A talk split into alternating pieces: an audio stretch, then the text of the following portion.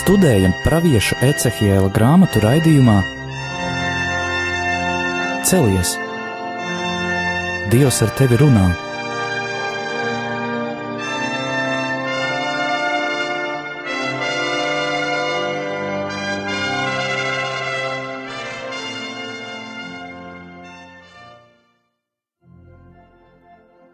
Slavēts Jēzus Kristus.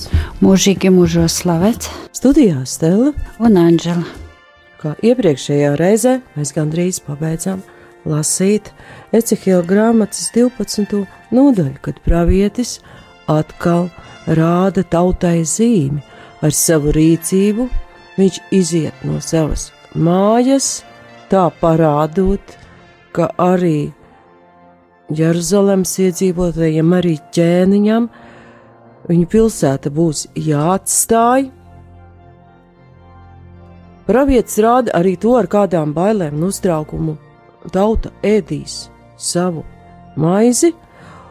Nodaļas beigās ir nedaudz skarta tēma, kuru mēs iepriekšējā reizē neizrunājām, bet ļoti īsi to der šoreiz ievadā pat pieminēt.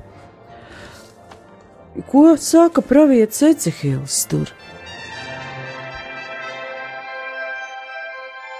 Viņš atgādina tādu cilvēkiem raksturīgu paņēmienu.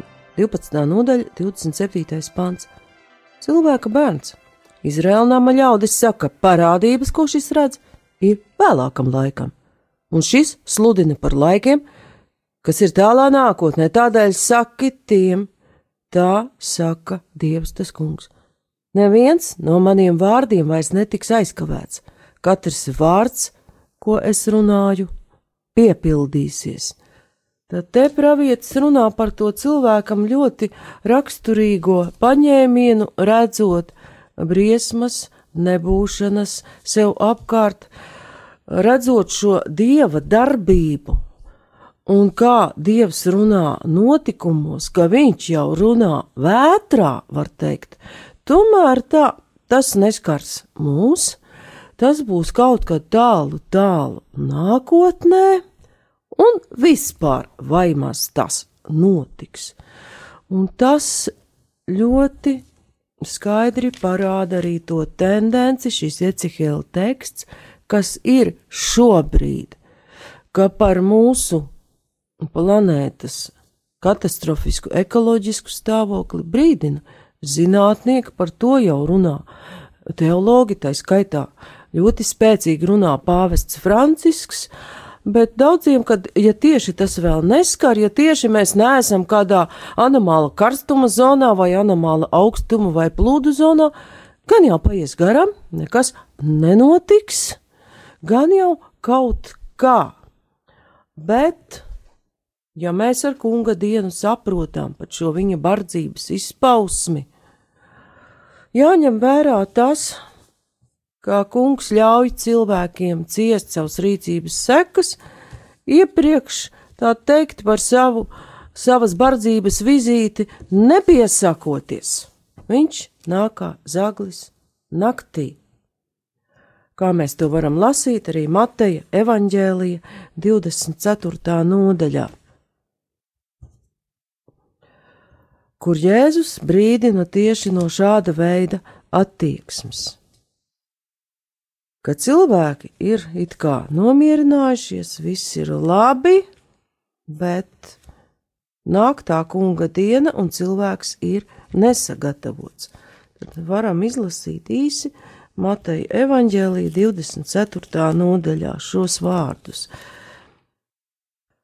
kur Jēzus runā par pastarā laika zīmēm. 24, 36, 38. Bet dienu un stundu neviens nezina, ne debesu eņģeļi, ne dēls, kā vien tēvs, jo kā bija nās dienās, tā būs arī cilvēka dēla atnākšana. Jo tā kā tanīs dienās priekš ūdens plūdiem tie rija un plītēja, precējās un devās laulībā līdz tai dienai, kad no iegāja šķirstā, un tie nenāca pie saprašanas, tie kā splūdi nāca un aizdrāva visus, tāpat būs arī cilvēka dēla atnākšana. Tātad šeit jau jaunā derība paskaidro īso 12. nodaļas nobeigumu pravieša Ecihela grāmatā, bet pēc mūzikas pauzes jau pētīsim tālāko tekstu.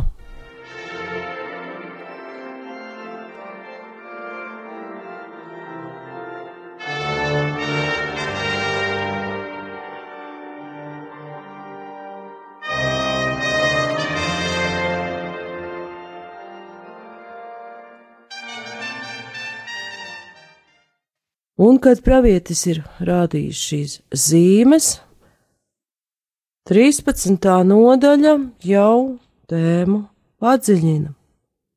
Kāpēc tas viss izraisās, un kam tad šis spriedums visvairāk ir domāts? Un 13. nodaļa runā par dieva spriedumu viltus praviešiem, un savukārt 14. nodaļa Ecihela grāmatā runā par dieva spriedumu elku kalpiem, un abas šīs uh, cilvēku kategorijas ir ļoti cieši saistītas.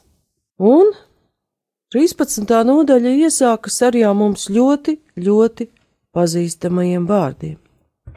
Cilvēka bērns sludini pret Izrēla praviešiem, saka tiem, kas pravieto, no savas pašas sirds. Klausieties tā kunga vārdu.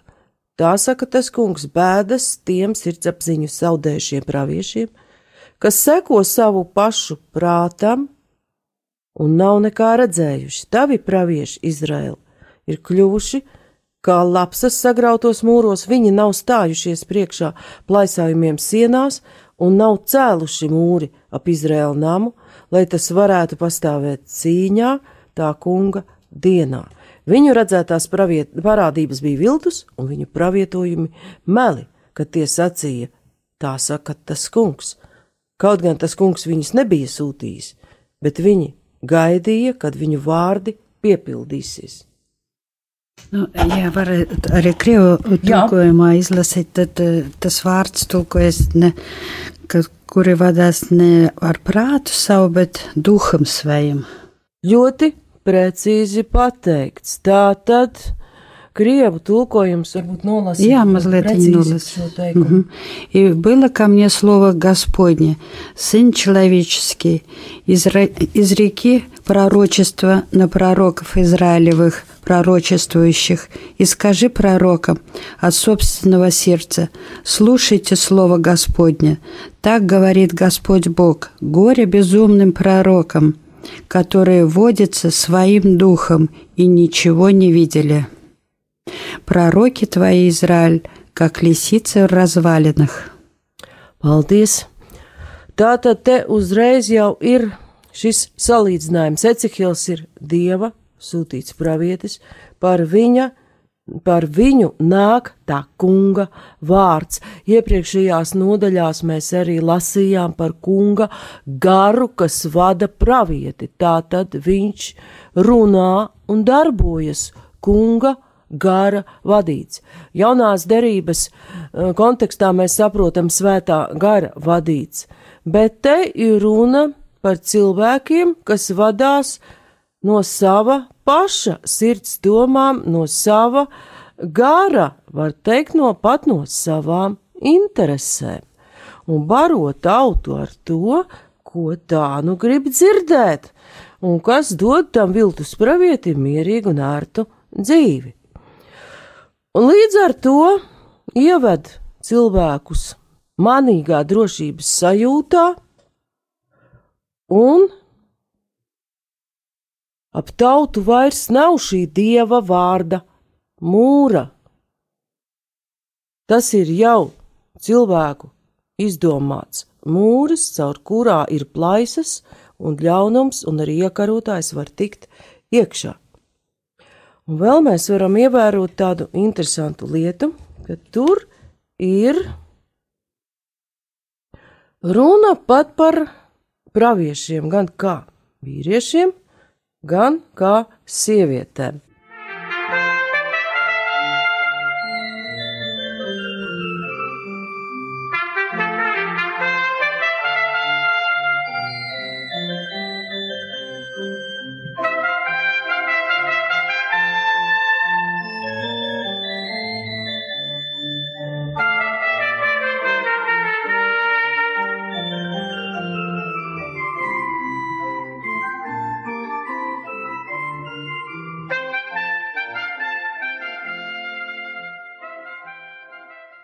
Tātad 13. nodaļā, no 1 līdz 16. pantam, vairāk tas ir attiecināts uz praviešiem, kuriem vajadzēja ieņemt godājumu vietu tautas vidū.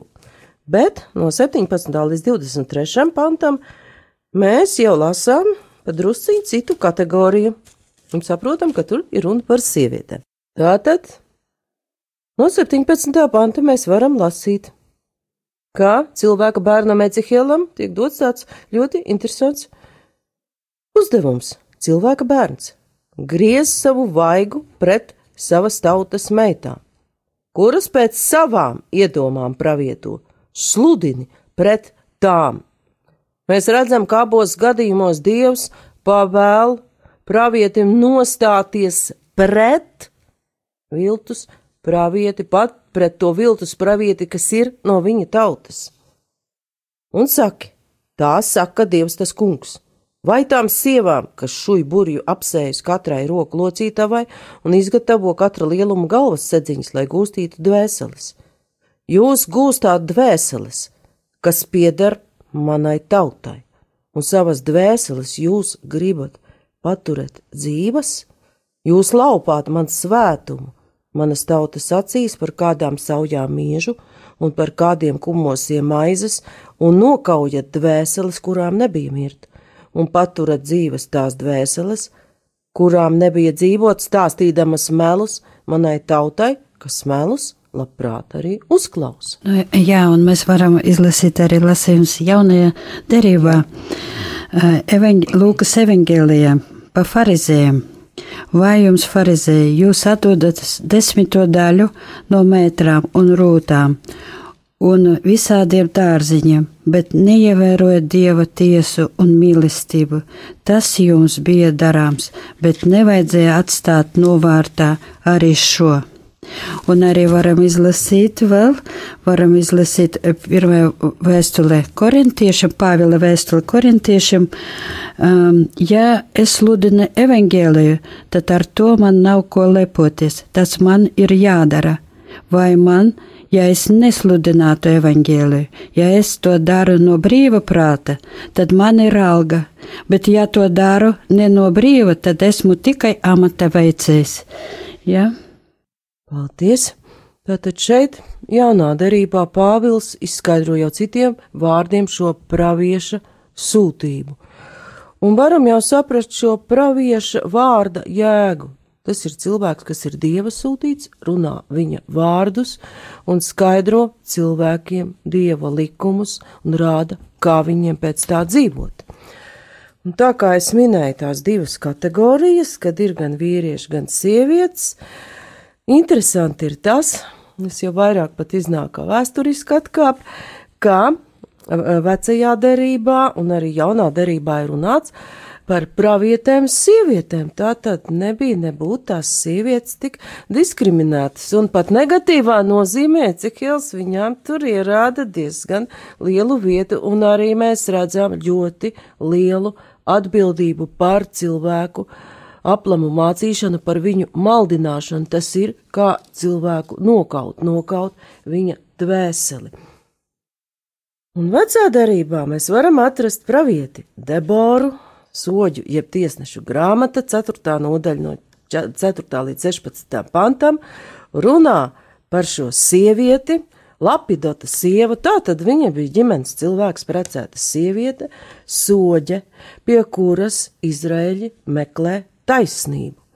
Jaunā derībā mēs redzam Lūkas evanģēlijā, otrā nodaļā, 36. un 38. pantā, arī tādu ļoti vecu sievieti, pravieti Annu, kura arī ir kādu laiku bijusi laulībā. Tātad šis laulības dzīve sava veida ir bijusi piedzīvojusi jau tādu piepildītu posmu, septiņi gadi, un pēc tam viņa dzīvo templī, gavē lūdz dievu dienām un naktīm un atpazīst pestītāju. Un vēl pirmā nodaļā, eh, pirmā vēstulē korintiešiem, 11. nodaļā, 5. pantā, arī apustulis Pāvils runā par sievietēm. Viņš runā, ka sievai jāapsec galva, kad viņa lūdz dievu vai pravieto. Un arī mēs nevaram aizmirst eh, jauno Mariju. Jā, Tā kā pirmā starp pravietēm, var teikt, kad viņa pieņēma šo dieva uzdevumu, paļāvās pat uz nezināmo un deva pasaulē šādu zīmi kļuva par baznīcas māte gan tiešā, gan pārnestā nozīmē, jo Kristus ir tas, kas dibina baznīcu, un baznīca ir Kristus mistiskā miesa.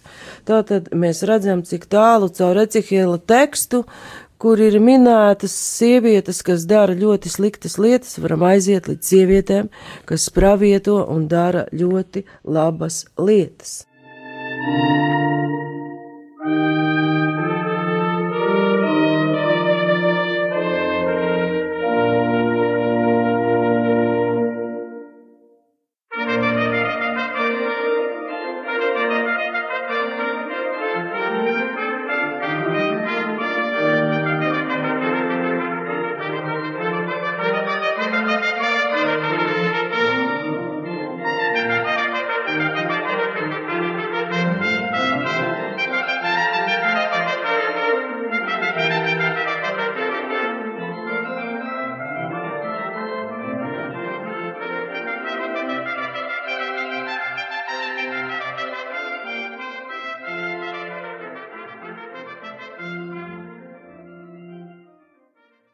kad esam noskaidrojuši, kā tur ir ar šiem praviešiem, ka ir gan pravieši vīrieši, gan sievietes, tā tad gan vīrietim, gan sievietei ir šis pravietiskais uzdevums un arī atbildība maldināt, ja viņa maldina tautu, un varam to saprast pat jaunās derības kontekstā, kad visa dieva tauta, visa baznīca ir pravietiska, un šis praviešu uzdevums ķēniņa un priesteri ir dot arī visai dieva tautai, kā mēs atceramies no katoliskās baznīcas katehismu, tad šīs atbildība nāk uz katru vīrieti un sievieti, jo cilvēks var būt šāds maldinātājs arī savā ģimenē. Viņš var būt tāds maldinātājs, kas cilvēkus iemidzina un saka viņiem to, kas eh, Dieva vārdā nav teikts, arī kādā mazā cilvēku kopā savā darba vietā vai arī savā tautā. Tātad šī atbildība nav pārtrūkusi, tā turpinās arī jaunās derības laikā. Un te mēs redzam šo salīdzinājumu ar to mūri, Un pravietis Ecihils 13. nodaļā, 10. pantā saka: Tādēļ jā, tādēļ, ka tie maldina mani tautu sacīdami miers, kad nav miera, un kad tauta uzceļ sienu, tad tie to tikai apmet ar kaļķiem. Saki šiem apmetējiem, tā sabruks. Kad nāks stipras lietas, un es likšu krist lieliem krustas gabaliem, un plosīsies viesulis, tad siena sabruks un jums zobgalīgi jautās, kur tad nu palika jūsu kaļķu apmetums? Tādēļ saka Dievs tas kungs, es sūtīšu dusmās viesuli un savā bardzībā stipru lietu un savā dusmu karstumā krusas gabalus, lai tie visu iznīcina. Es sārdīšu sienu, ko jūs apmetāt ar kaļķiem, es to nogāzīšu pie zemes, tā ka pamati top redzami Kad tā kritīs, arī jūs aiziesiet bojā zem drupām, lai jūs beidzot atzītu, ka es esmu tas kungs. Tātad ar šo sienu mēs varam saprast tādu ideoloģisku, pat reliģisku domāšanas veidojumu, kas neatbilst dieva vārdam. Un latviešu tulkojumā ir kaļķi, bet krievu valodā tur ir cits vārds. Tāpēc būtu labi izlasīt krievu valodā, ar ko tad tā siena tur bija apmesta. Ir 13. nodaļa. Un 10. arī 14. pants var lasīt jebkuru vai nu 10. vai 14. За то, что они вводят народ мой в заблуждение, говоря мир, тогда как нет мира, и когда он строит стену и обмазывает ее грязью. Скажи обмазывающим стену грязью, что она упадет, пойдет проливной дождь, и вы каменные градины падете, и бурный ветер разорвет ее. Paldies! Un te mēs uzreiz redzam, kā tad krieviski ir nosaukts tas produkts, ar kuru tā siena ir apsmērēta. Latviski mēs lasām kaļķi, un tas nu ir gauži tālu no tā, ko mēs lasām krievu valodā, un jāatzīst, ka šis uh, Briseles tulkojums krievu valodā ir viens no labākajiem un precīzākajiem. Ar netīrumiem tā siena ir apsmērēta, grēs, dubļi, netīrumi. Tātad cilvēki paļaujas uz sienu, kas ir nevi tikai nestipra un ar spraugām, bet viņa ir apmērēta arī ar netīrumiem, viņa ir netīra. Bet viltus pravieši maldina cilvēkus, sakot, viss ir kārtībā. Miers, kad nav miera. Un šajā gadījumā mēs varam saprast, ka tā ir paļaušanās uz cilvēku veidotu vai valstisku vai kādu domāšanas sistēmu, kas dod it kā iluzoru mieru. Jo pat labāk arī mēs redzam, ka cilvēki tiek aicināti paļaujieties uz savu turību, paļaujieties uz savu nekustamo īpašumu, paļaujieties, ka jums ir labs darbs. Tāpat kā Romas impērijā bija periods, kad cilvēki paļāvās uz tā saukto paks romāna, uz imperatora augusta iedibinātu mieru, kas bija nostiprināts nevis kunga vārdā, un tur, kur cilvēki pulcējas ap kungu vārdu un ap to dzīvo, bet ar Romas leģioniem un zobenu.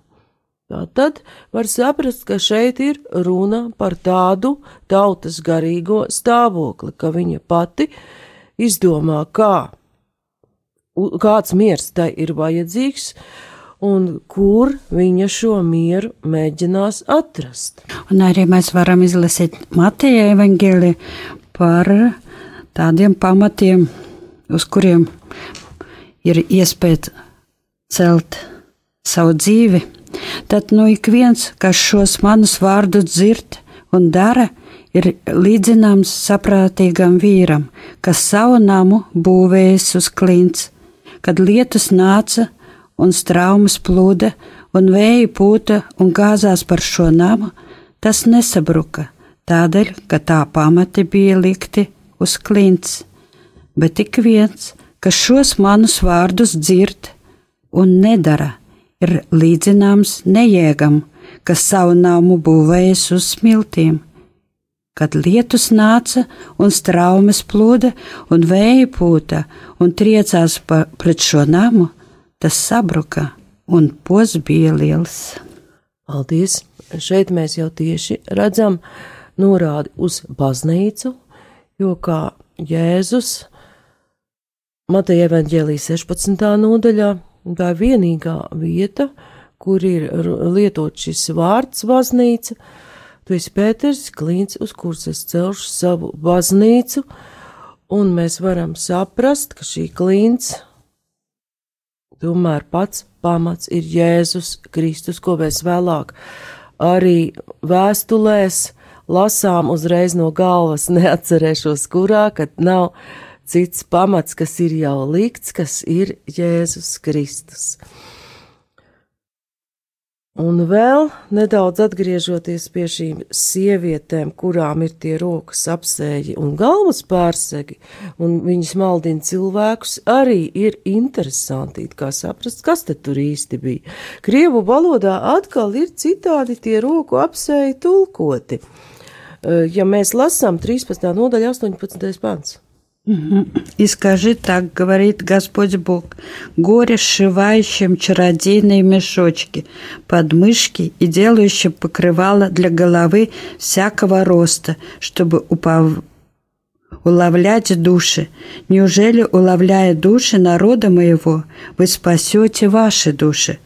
И бесславите меня перед народом моим за горсти ячменя и за куски хлеба, умерщвляя души, которые не должны умереть, а оставляя жизнь душам, которые не должны жить, обманывая народ, который слушает ложь. Paldies!